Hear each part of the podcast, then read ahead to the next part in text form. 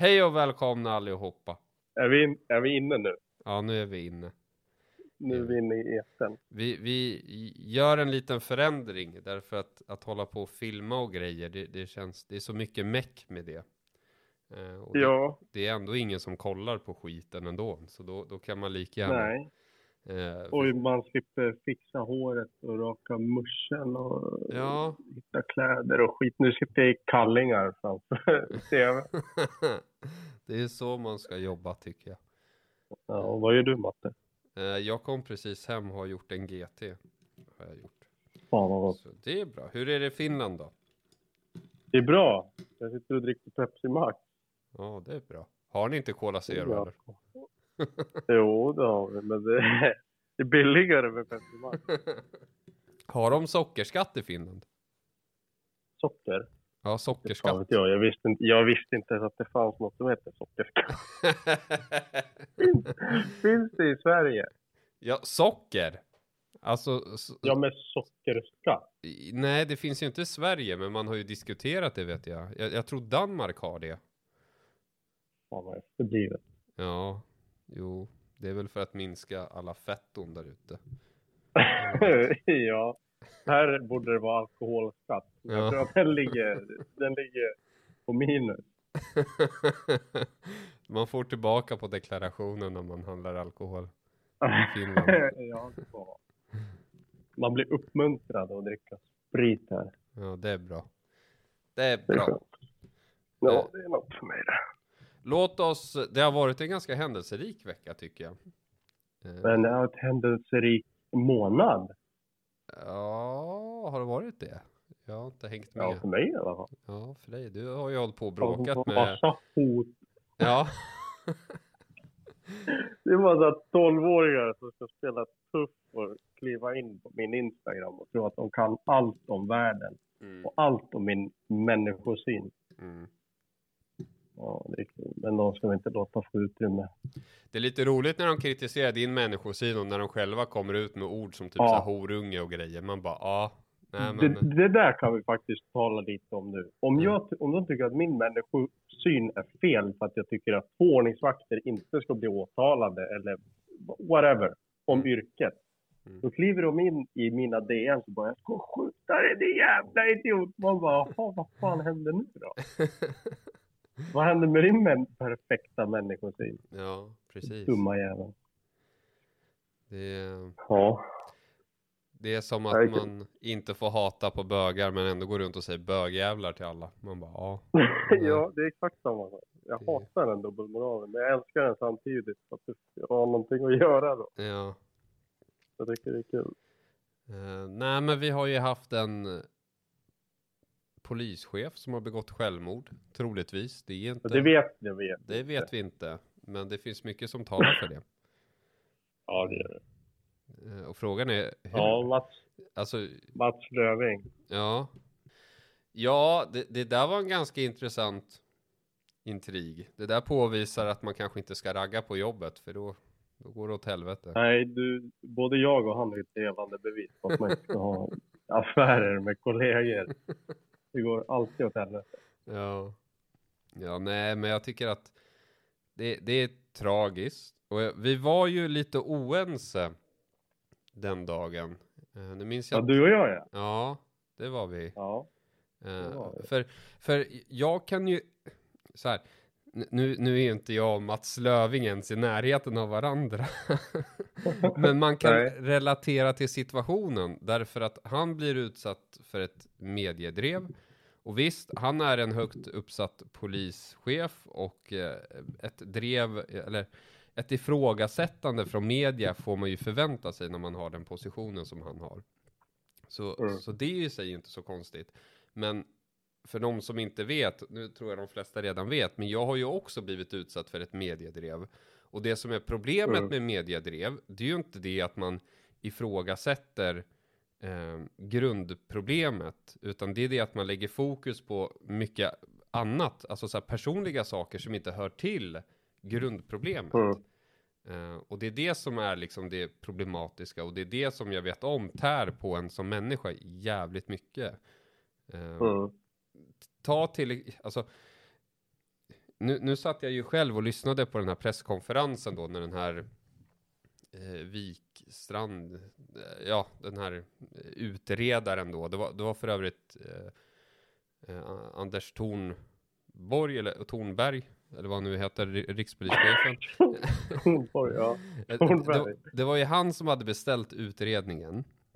Ja. Vilket bara det är anmärkningsvärt, för, för så ska Mm. det inte gå till egentligen. Eh, det är lite som att eh, ja, du själv beställer en utredning om dig själv och det är klart att det typ bara kommer vara positivt om dig själv då.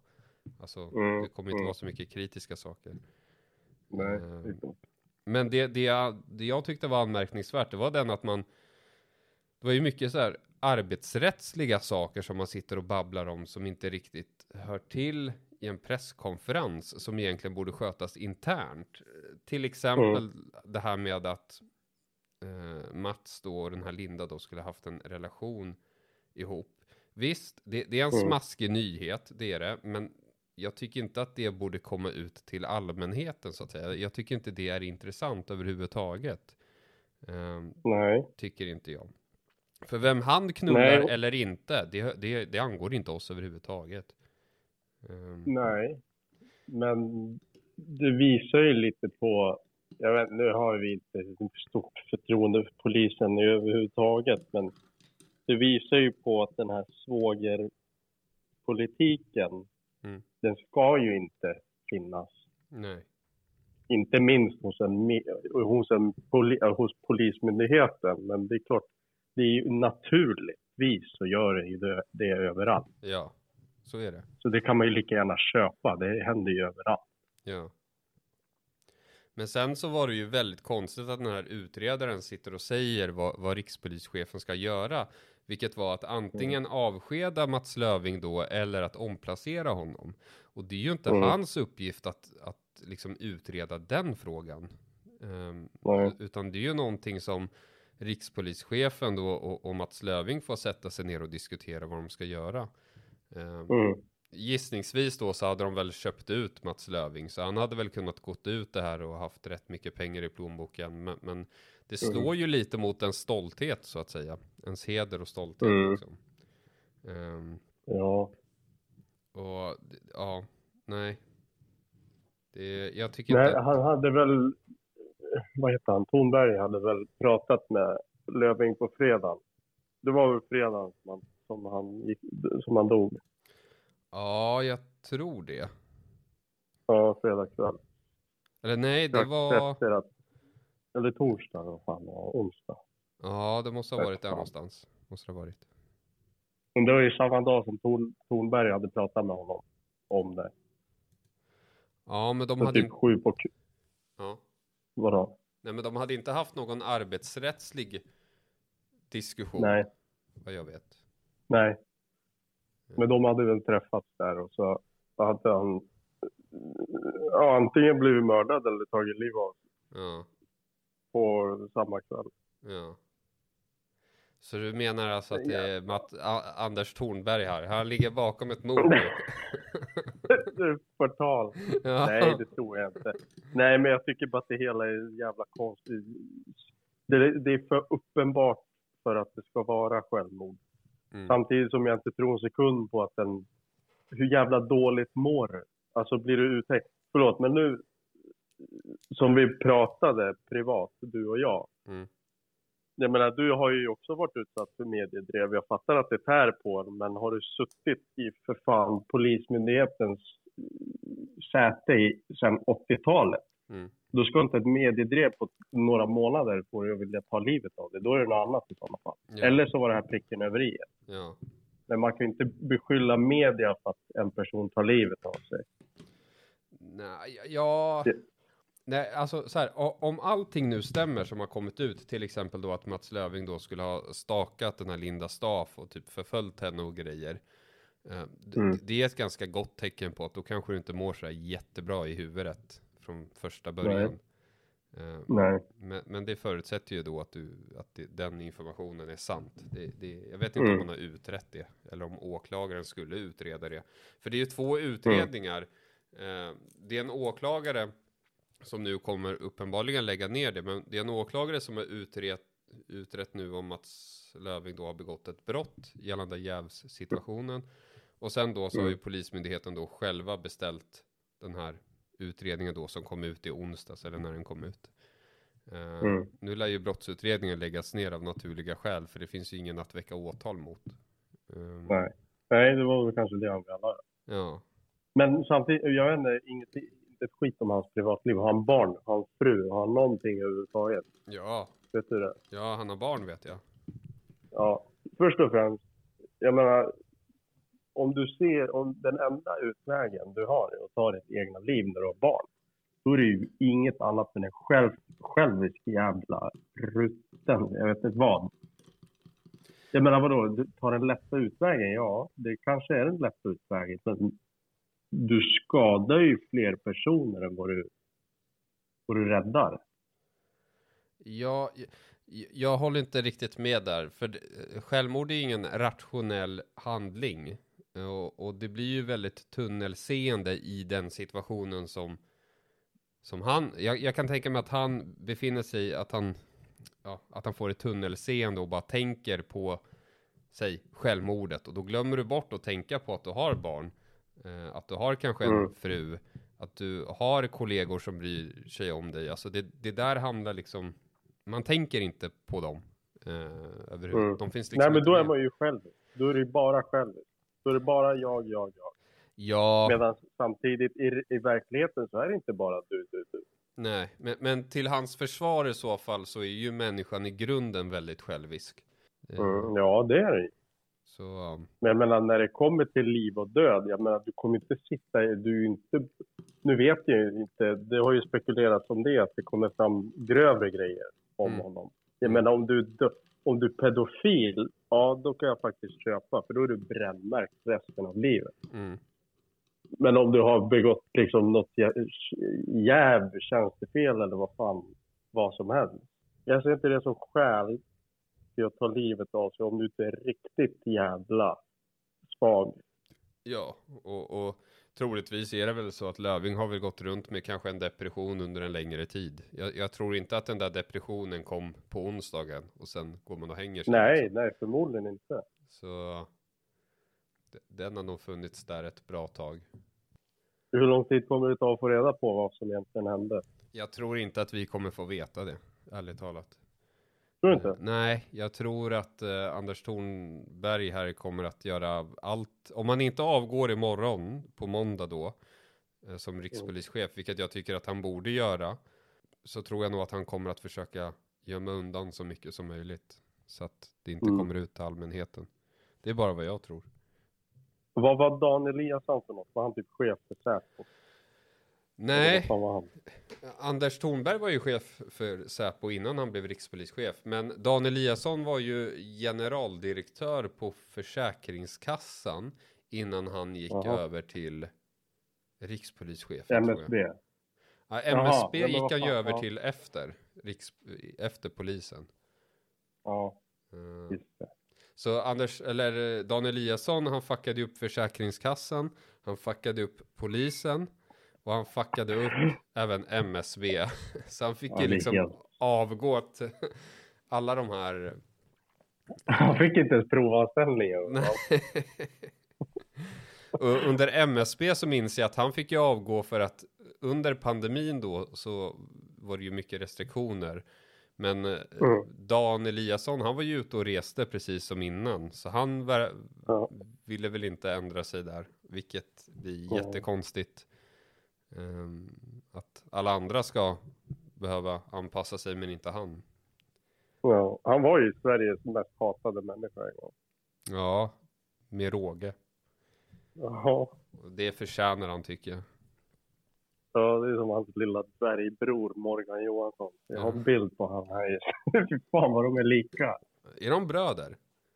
Nej, men de ser ju likadana ut. Ja. Att den andra är 80 centimeter kortare. Ja, men alla socialdemokrater är ju incestbarn liksom. Inavlade Ja. jävla orungar. Det är som man säger, incest, incest, familjefest Ja. liksom. Ja, och deras barnbarn sitter och skriver DM till mig på Instagram. Ja, det är helt sjukt. Men en annan sak eh, som vi fick veta häromdagen. Eh, Ja. Åtalet mot eh, våra två kollegor. Just det, Rådmansgatan. Ja, de är nu åtalade för vållande till annans stöd grovt.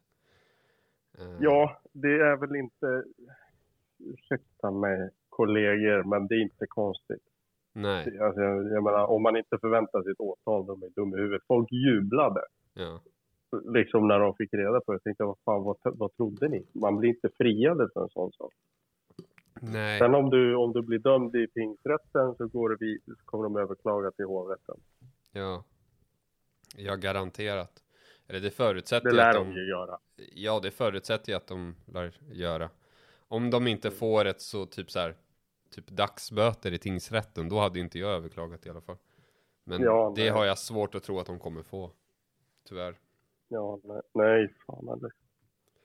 Jag tror ju att de kommer att få fängelse för det här. Tror du det? Ja, det tror jag.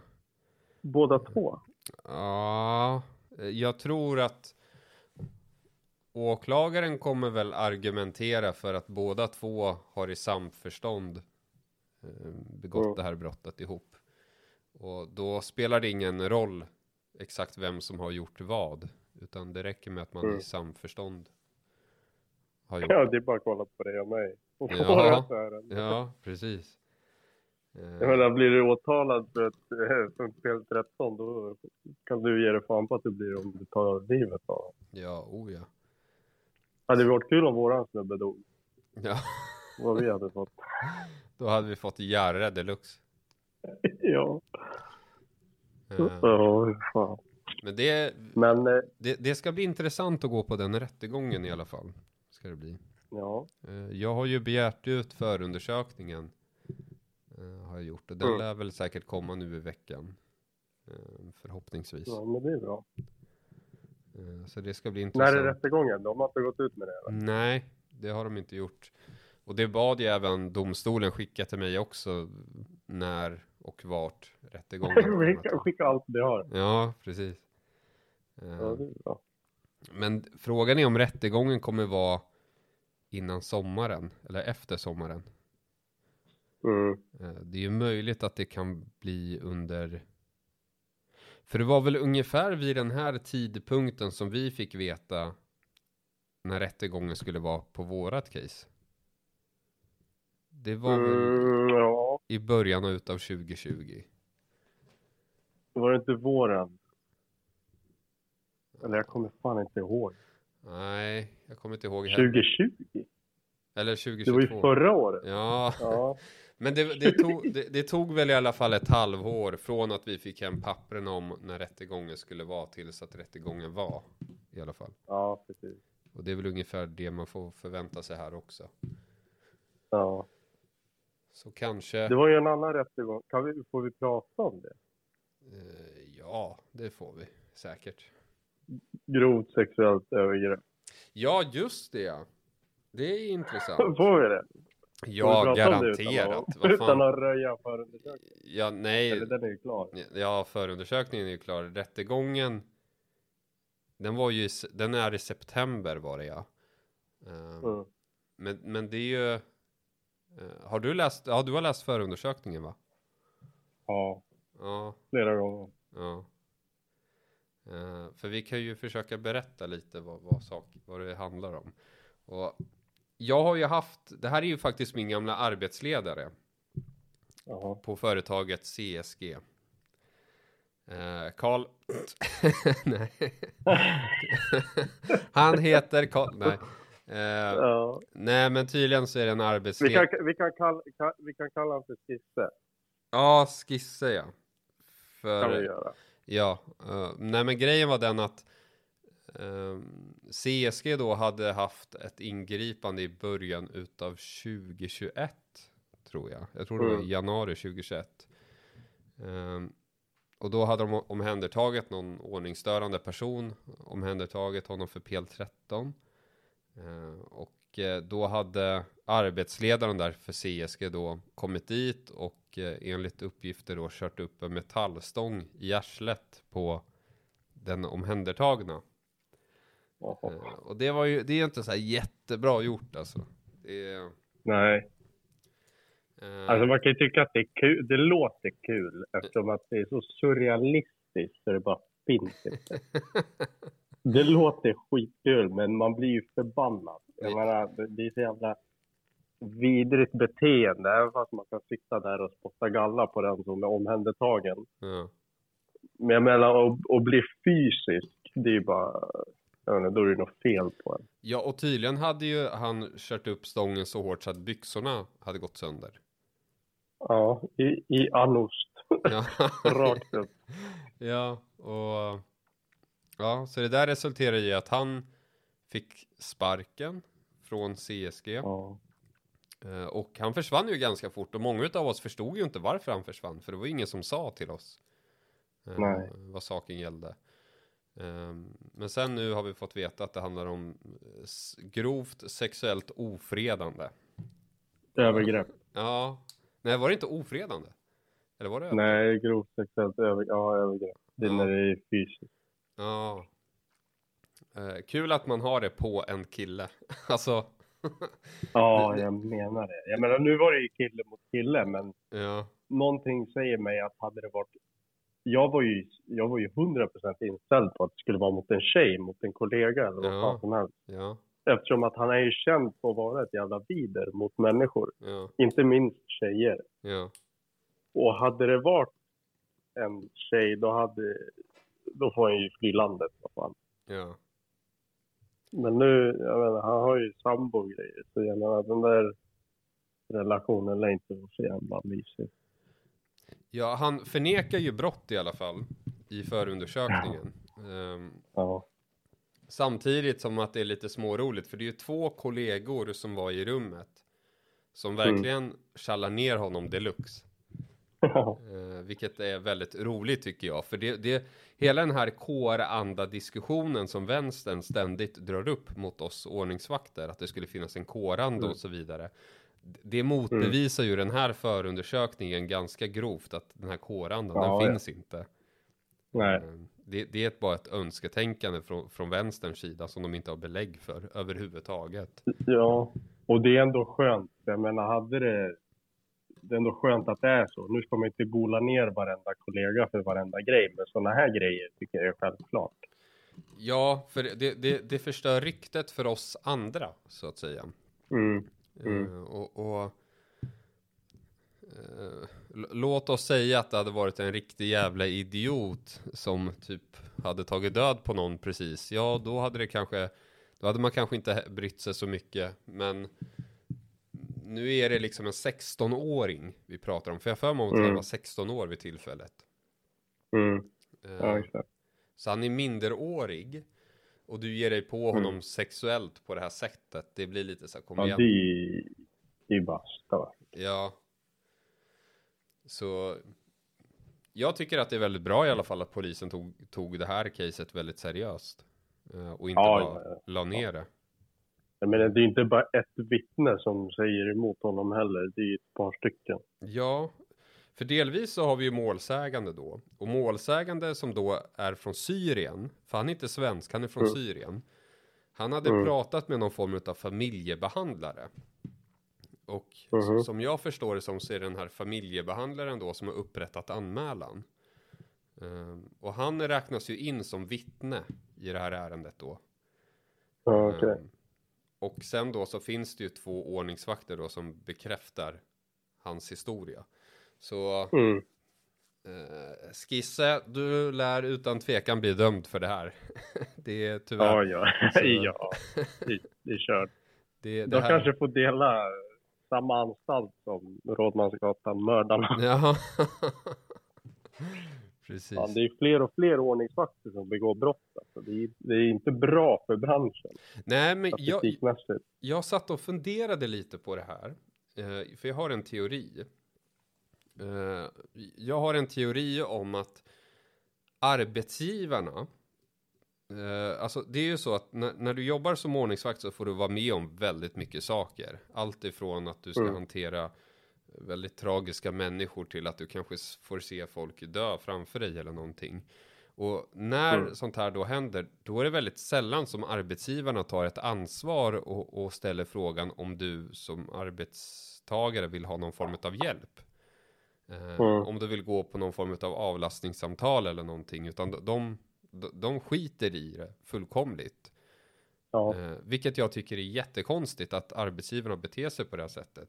Eh, för då Mm. är det inte konstigt då att vi har ordningsvakter som kanske beter sig på det här sättet som de gör. Om de nu springer runt och mår dåligt. Och inte får den hjälp Nej, de behöver. Eh, det ligger en sanning i det du säger. För jag menar, mår du dåligt för att du liksom måste få utlopp för dina sjuka tankar och känslor så kanske det blir så naturligt. Jag vet inte. Det är inget försvar, men det är kanske en förklaring till varför. Ja, för polisen har ju debriefing och samma sak med ambulansen och brandkåren. De har ju debriefingsamtal, men vi ordningsvakter har verkligen inte det. Nej, Det har aldrig hänt. nej. Ehm, för det var ju som, eh, ja, nu, nu vill jag väl kritisera hela jävla branschen och ärligt talat nu ska jag ändå kanske plugga till sommaren ändå så jag skiter fullkomligt i i nuläget. Eh, Men Nu är han full. Ja. Nej, men grejen är den att eh, nu, nu jobbar ju inte du kvar på, på den arbetsgivaren som jag jobbar på nu. Eh, för du har ju flytt landet. Eh, Ja. vår sosseregering har du flytt ifrån.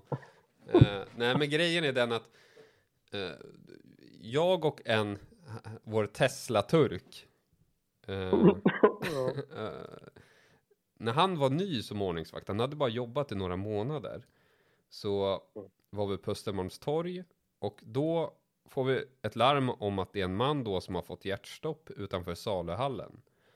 Så vi springer då upp och det stämmer, han, han ligger ju där och allmänheten håller, håller på med hjärt och lungräddning på honom.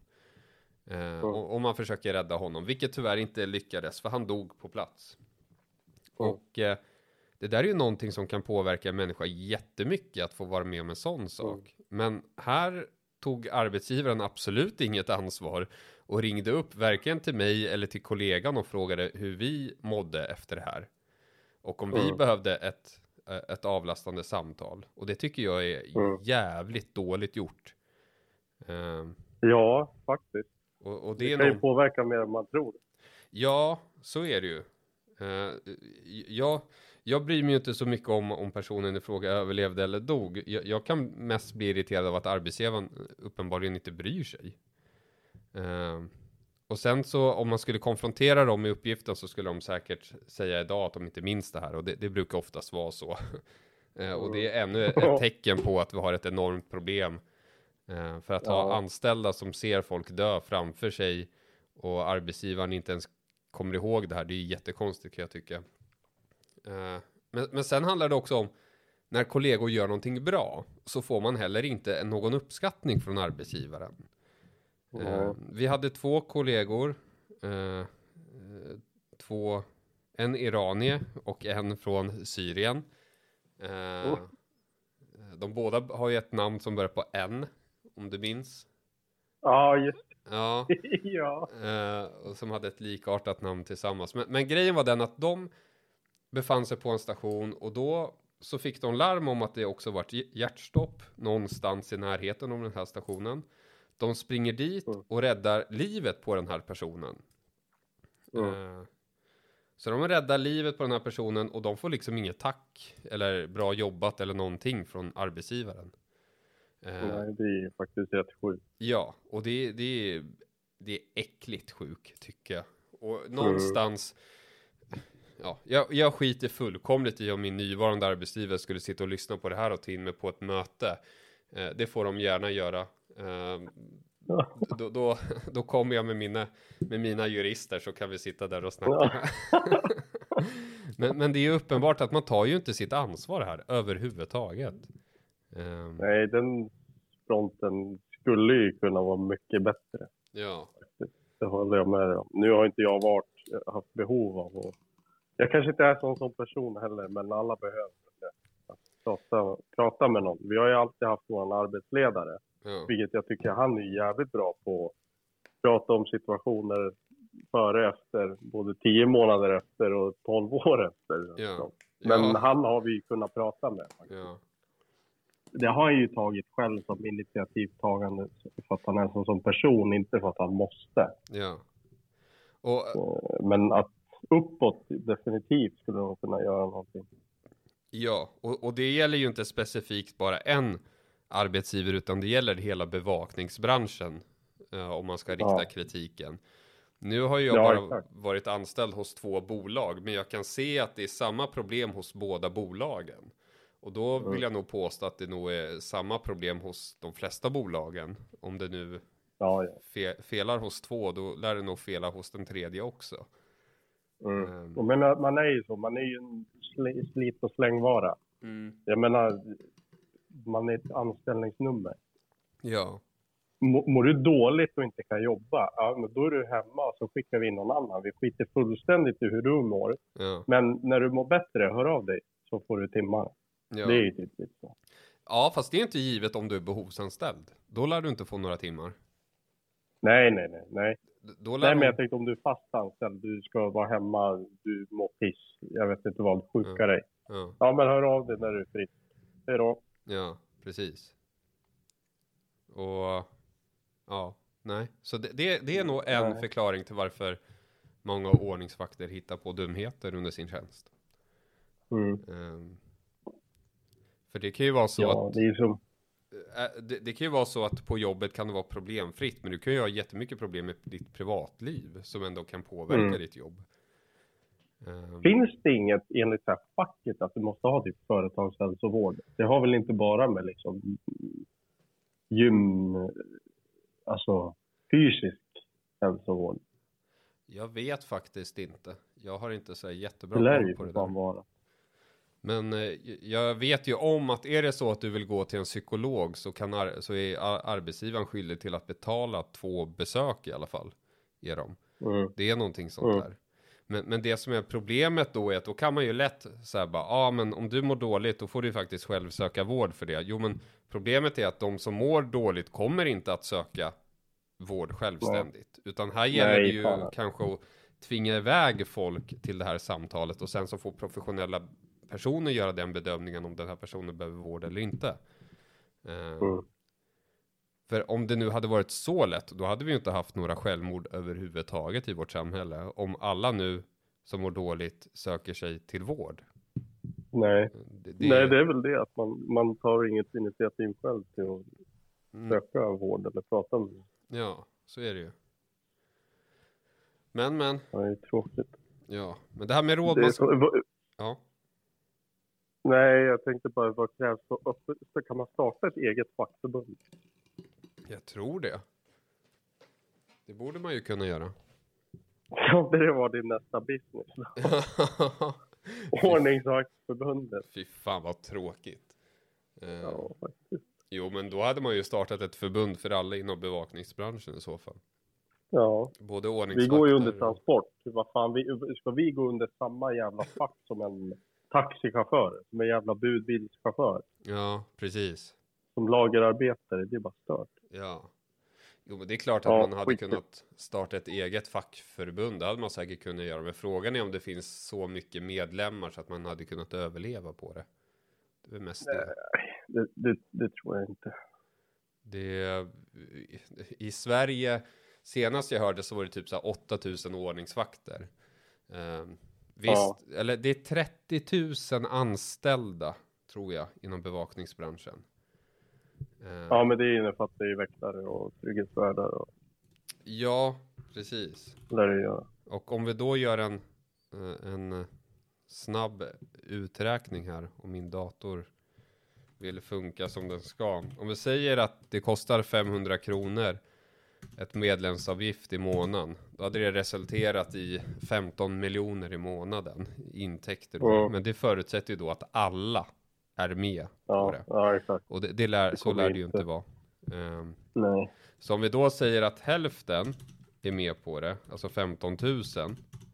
Eh, då hade det resulterat i 7,5 miljoner i intäkter. Och det är inte Måste så... du räkna på miniräknare? Ja. Ja. 15 det på två. Eh, nej men det, det är ju, även om 7,5 miljoner är mycket pengar så är det ju inte mycket pengar i intäkter för ett företag. För i det här Nej, då så ska du typ betala lön till typ en jurist. ehm, Mm. Inom arbetsrätt och de vet jag, de kan ta rätt höga eh, saftiga summor om de nu vill Ja. ha en hög lön. Och sen så ska du ha personal på det och lokal på det. Ehm, Ja. och sen så ja det, blir inte, det blir inte mycket över. Nej, så bara en snabb uträkning så hade inte, tror jag inte att det hade varit lönsamt. Tror jag inte. Ja. Eh, Men eh, ja, det är ju som det är. Ja. Vad du skulle säga något om Rålambsgatan? Ja, nej men det är väl det att det ska bli väldigt intressant att se hur, hur det där eh, kommer att sluta. Frågan är, och det hade varit så jävla kul om man hade kunnat sända live från rättegången. Ja, göra det. För man, jag vet Får ju, man det? Ja, jag vet om att man får spela in med ljud eh, från en rättegång. Det vet jag om att man får göra. Och jag för mig om att Sveriges Radio har sänt rättegångar live. Mm. Så det borde inte vara några problem. Var tänkte du sända det? Typ på YouTube. Det Ja, vi måste ju upp i prenumeranter för helvete. eh, ja, Måste, måste man inte ha typ tusen prenumeranter för att kunna sända där? ja, jo men så är det ju. Så om folk nu kan ta och prenumerera på YouTube så att, så att vi kommer upp i tusen prenumeranter så kan jag lova Ja. att jag kommer sända live från den här rättegången. Eh, Matte är känd att ta med olagliga grejer på rättegångar. Han tog med sig en colaflaska. just det, Åklagaren åt jag. så- just det. det. Det var ju så när vi, när vi satt misstänkta då eh, så kom jag ju med den här Coca-Cola Zero-flaskan. Eh, och de nere i kont- säkerhetskontrollen, ordningsvakterna där, sa ingenting till mig om att jag inte fick ta med den in. Alltså, Nej. jag tänker mig att de Jag borde menar, ju- du har ju för fan konvinimaskiner och grejer där. Du får ju äta, dricka och fan vill. Ja, precis. Eller får man inte det inne i rättssalen? Nej, det kan, med, med vatten får man ju uppenbarligen dricka, så varför skulle inte jag få dricka cola för? Det, Ja. ska jag kasta en colaburk på åklagaren eller? Eller Nej, men det som var, men det som ändå var roligt var att åklagaren poängterade det här, men domstolen sa ju ingenting om det. Nej, För jag la ju fram kolan på bordet. De sa ingenting om det. nej. Eh, Nej, det är jävla konstigt. Konstig åklagare det. Ja, hon gjorde väl där av taktiska skäl för att få mig ur balans eller någonting. Ja, exakt. Första steget, alfa. Ja, men hon var ju riktig. Det där var en riktig äckelåklagare, ärligt talat. Sitter Ja, och fan, äger. Jag har ju spelat, Ja, sitter ju för fan och dumförklarar. Och hon, hon gjorde ju det där med flit och försöka få mig irriterad. Jag vart ju irriterad. Att Ja. jag kokade, blodet kokade. ja, Jag bara, är du dum i huvudet? Hör du inte vad jag säger? Hon bara, vad, fick, vad föranledde att ni belade honom med handfängsel? ja, Ja, fysiskt motstånd. Hon bara, så frågade hon frågan tre gånger till. Jag bara, jag har ju sagt fysiskt motstånd fyra gånger. Ja. Hur mer tydlig ska jag behöva vara? Men var det inte så att, do, att domaren till och med började bli sur på åklagaren för att Jo. hon betedde sig sådär? Eh, Jo, det var någonting. Fan, jag önskar att jag hade kvar den där. Jag har ju några klipp som jag spelar in. Ja, jag blir irriterad när jag lyssnar på det också. Jag hör ju att jag försöker, jag är irriterad, jag hör ju det i rösten, men jag, jag är ju lugn ändå. ja, Det är bara en sån där jävla, försöka få en ur balans och säga någonting dumt eller få en att vilja kasta micken i ansiktet på en. ja, precis. Nej, för jag vill minnas att domaren blev väldigt sur på åklagaren för att hon betedde sig som hon gjorde. Och att till och Mm. med... Han avbröt väl henne? Ja, så kan det ha varit. Ja, Det, ja, det var någonting i alla fall. ja, det var kul. Men det där var en riktig skitåklagare för hon, hon sitter ju och äger en villa, eller nej inte, en lägenhet på Strandvägen. för så här 77 miljoner. Att det är helt stört. Ja. Och jag kollade upp vem he- hennes man var. Han var ju typ så någon plastikkirurg eller någonting. Typ ägare av något plastikkirurgisk företag typ. Eh, Såklart. Kan de få gratis behandling? Ja, det kan ju hon verkligen behöva. Tycker jag. Men vi fick inte våran ordinarie åklagare. Nej, Hon var ju någon jävla stand-in för henne. ja hon, hon, det där var ju bara någon form av åklagarassistent eller någonting. Eh, Ja, just det. hon, hon är typ i början av sin åklagarkarriär, typ. Ja. Eh, hon är inte kammaråklagare utan åklagarassistent är någonting man är typ i början och det är typ, är du i typ två år eller någonting. Och sen typ Mm. så går man över och blir kammaråklagare eller någonting sånt där. Mm. Eh, eller åklagare, ja, jag vet inte fan. Men det är någonting sånt. Ja. Det, det var ju Silla Hirtz som var vår riktiga Ja. åklagare. Och ja, hon gillar dig hon. ja, hon har ju väckt åtal typ två gånger mot mig så. Ja. Så fort hon ser ett namn, hon bara jag tar det. Ja. Jag väcker åtal.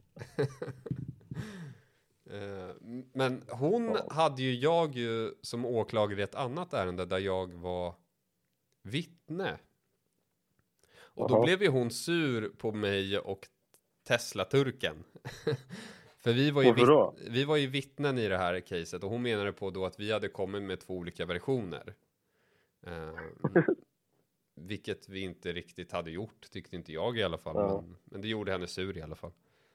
Mm. Mm.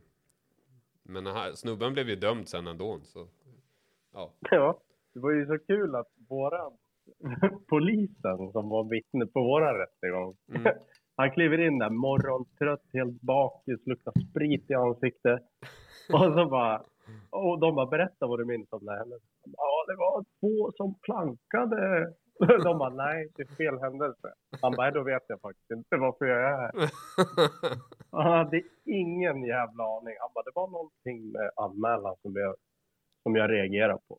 Det var ja, någonting, men jag kommer inte ihåg vad. Han bara, men gå hem för fan. ja, Sov ruset av dig. Ja, han bidrog ju inte med någonting överhuvudtaget. Nej, inte ett jävla skit.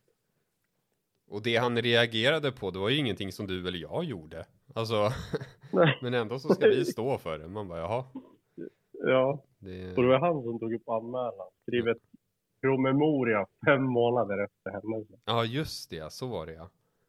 Ja, det är helt stört. Och Som att han ska komma ihåg fem månader efter vad fan som hände. ja, för troligtvis är det så att åklagaren hade bett den här polisen att skriva ner en promemoria om det här fem månader senare. Ehm, Mm. Och för min advokat frågade ju bara, men skrev du det här bara för att åklagaren bad dig skriva det här? Och då sa han, Ja. det minns jag inte. Jag bara, Nej. Nej. Eh, Men troligtvis så var det ju så. För det är lite konstigt Ja. att skriva en promemoria fem månader senare i ett ärende. Ja, för del 13. Och se om det är mord eller våldtäkt. Ja, Nej, det är helt stört. ja nej. Eh, Men det här avsnittet kommer i alla fall upp på Spotify ganska snart. Gör det. Ja, men det är bra. Så jag ska försöka lägga upp det direkt efter.